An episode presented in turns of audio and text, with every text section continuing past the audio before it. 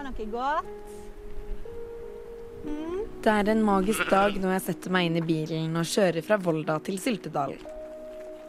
Det er blå himmel og sol, og vinden rasler i trærne når jeg triller inn mellom husene på småbruket. Her ligger de, vet du. Her er jo Eris. Hun ligger der. Det kom, det kom så tidlig, den skrivetrangen. Det er, ligger nok veldig dypt i meg. Ordet poesi er et stort ord.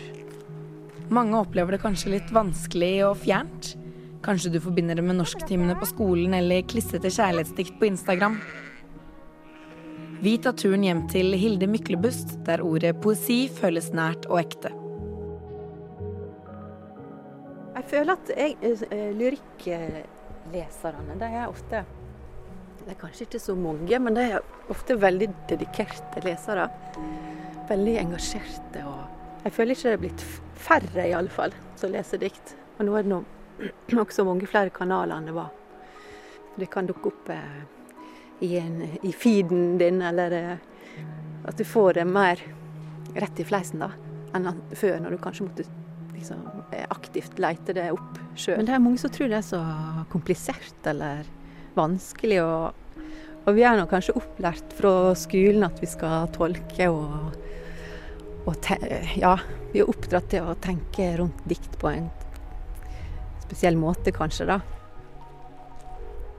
Men jeg tror at hvis han klarer å, å slippe litt tak i den, at han skal forstå eller konkludere, men heller være i opplevelsen eller i stemning som diktet gjør, så kan det åpne opp veldig mye. Da.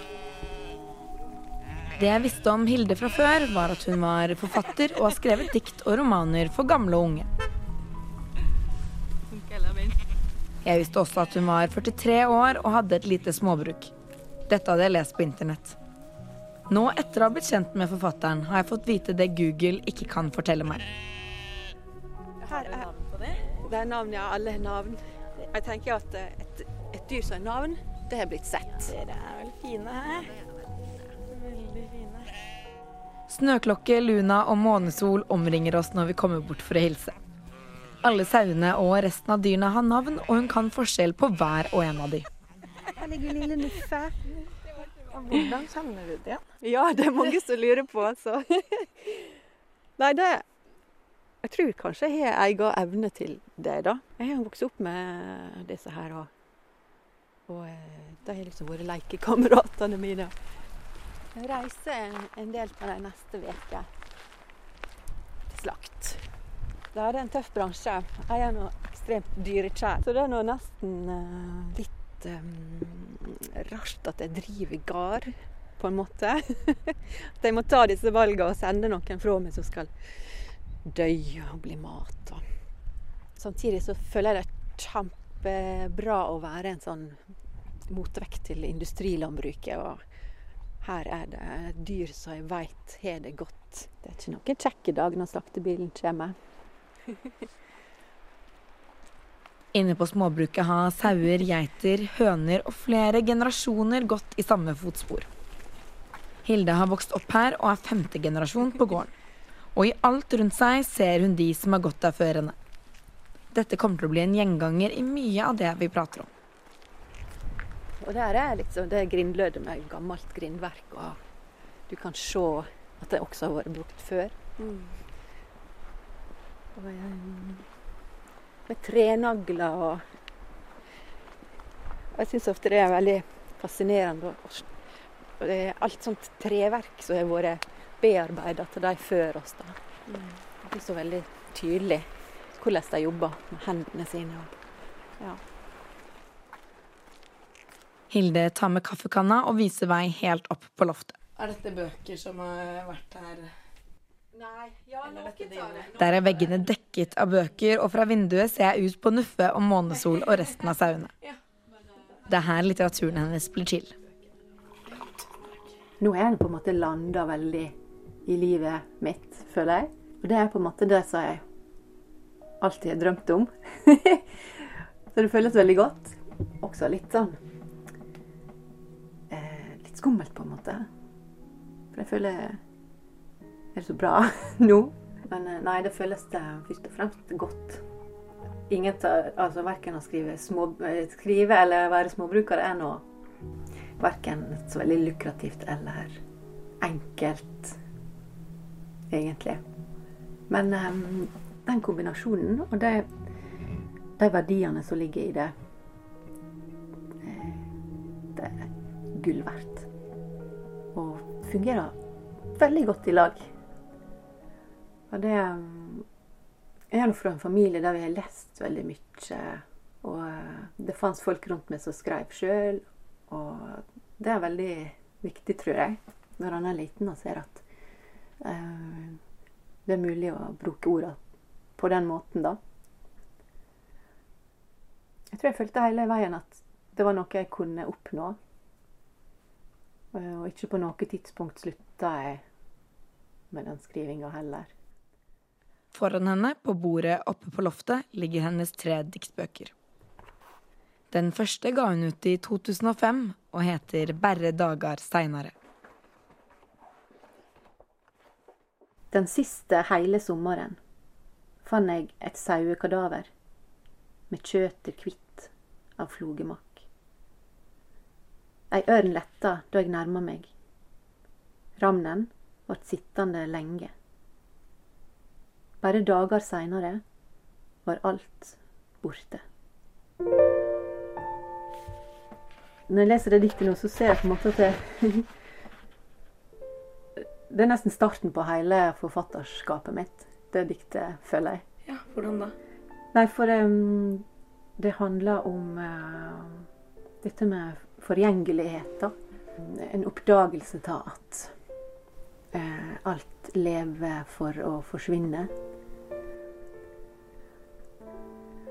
Og det har blitt en sånn gjenganger i, uh, i lyrikken min. Særlig, da. Og dette med um, Også det med at det er, no, det er så konkret, men samtidig eh, peker det på noe utover seg sjøl, da. At vi kan, eh, vi kan oppdage noe større i det små.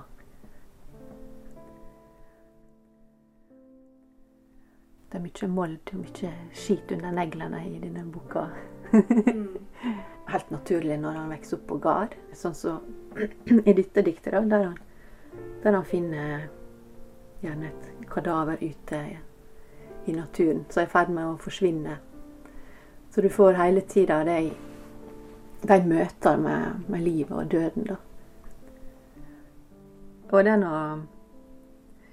den råskapen som fins i naturen, sant? den eh, vil jeg veldig gjerne skildre. Naturen kan jo være kålmørk, altså. Det er veldig artig å lese det igjen nå. Hvordan har måten du skriver på, eller har måten du skriver på forandret seg fra dette til det du skriver nå? Jeg vil nå si at når jeg leser denne debutboka, så er det noe veldig, veldig meg, tror jeg. Det, hvis det går an å kalle det myk, myklebuskt. ja, det myklebuskt. ja, det er nesten umulig. mm. Hva ønsker du at folk skal sitte igjen med tanker etter de har lest f.eks. dette diktet?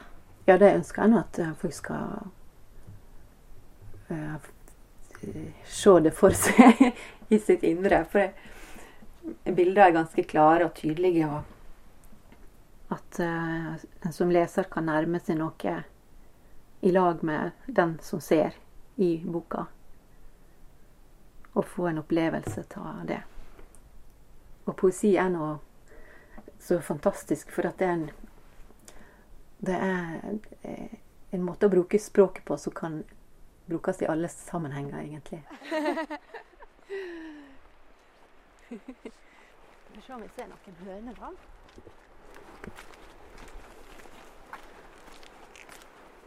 Jeg tror kanskje de er Er dere her? Ja, kom! Ikke inne, altså. Hmm. Mhm. fugler òg med i disse her diktsamlingene mine. Den heter nå hver en fugl', den siste. Far min var nå veldig veldig eh, fugleinteressert. Og en utrolig fuglekjenner. Altså det å kjenne igjen lyd og uh, ja, utseender og alt. Men uh, jeg er nå eh, alle skapninger som vi liksom deler, deler denne verden med. Jeg blir ofte litt sånn overraska over at folk eh, ja, de har fugler rundt seg der de bor, men kanskje ikke vet hva de heter, eller hva de, noe om dem, på en måte. Det er noe medskapningene våre. Det er noe med dem, da. De, de forflytter seg og Ofte litt sånn symbol, symboltunge vesen. Men det syns jeg er så fint.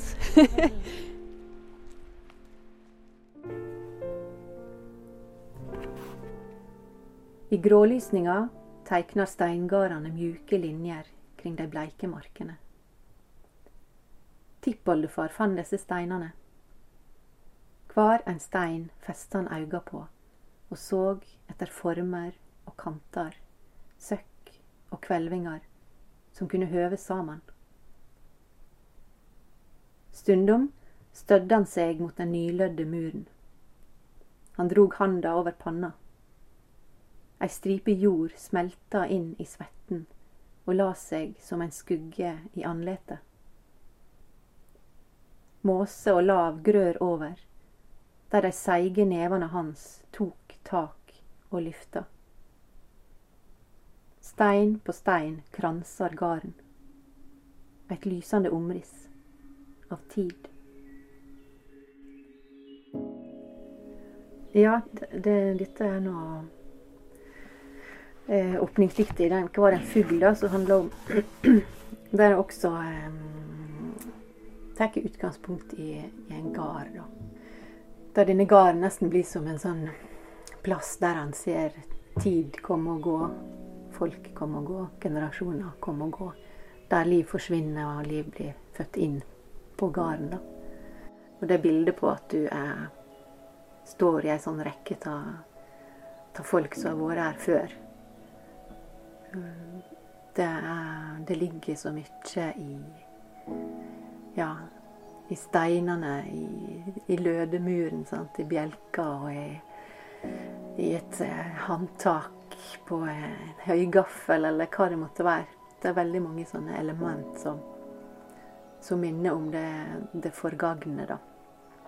Og han blir veldig bevisst på at han sjøl står i den rekka av folk som er budt her og levd her og lagt grunnlaget for ditt liv her. Føler du på et ansvar for å opprettholde stedet? Gjøre Ja. det stolte, siden Ja, det kan du. Det, ja. På mange måter så gjør jeg det, da. Uh, uh, ja, det skjer nå at jeg tenker liksom Dette hadde far min uh, likt, eller dette, hadde, dette skulle han Martine sett, oldefaren min, eller Og alle disse her drivende kvinnfolka som er budt på gården her. og Det er fascinerende, altså. At de levde sine liv her. Eh, I den siste så jeg føler på en måte at jeg liksom lukker disse tre bøkene litt. I og med at det, det handler om eh, om eh, ja, da jeg sjøl ble mor, da. Og det Det føltes Det føles selvsagt alltid sterkt å, å, å bli mor, men eh, det å komme hjem med, med en unge fra sykehuset og inn, inn på gården, det, det føltes eh, føltes litt som at eh, disse her generasjonene bak sto uh, jubla Jubla rundt oss på et vis. Det var veldig eh, spesielt, da.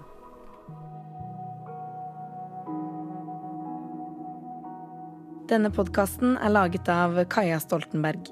Ansvarlig redaktør i Radio Volda, det er Øyvind Hegstad.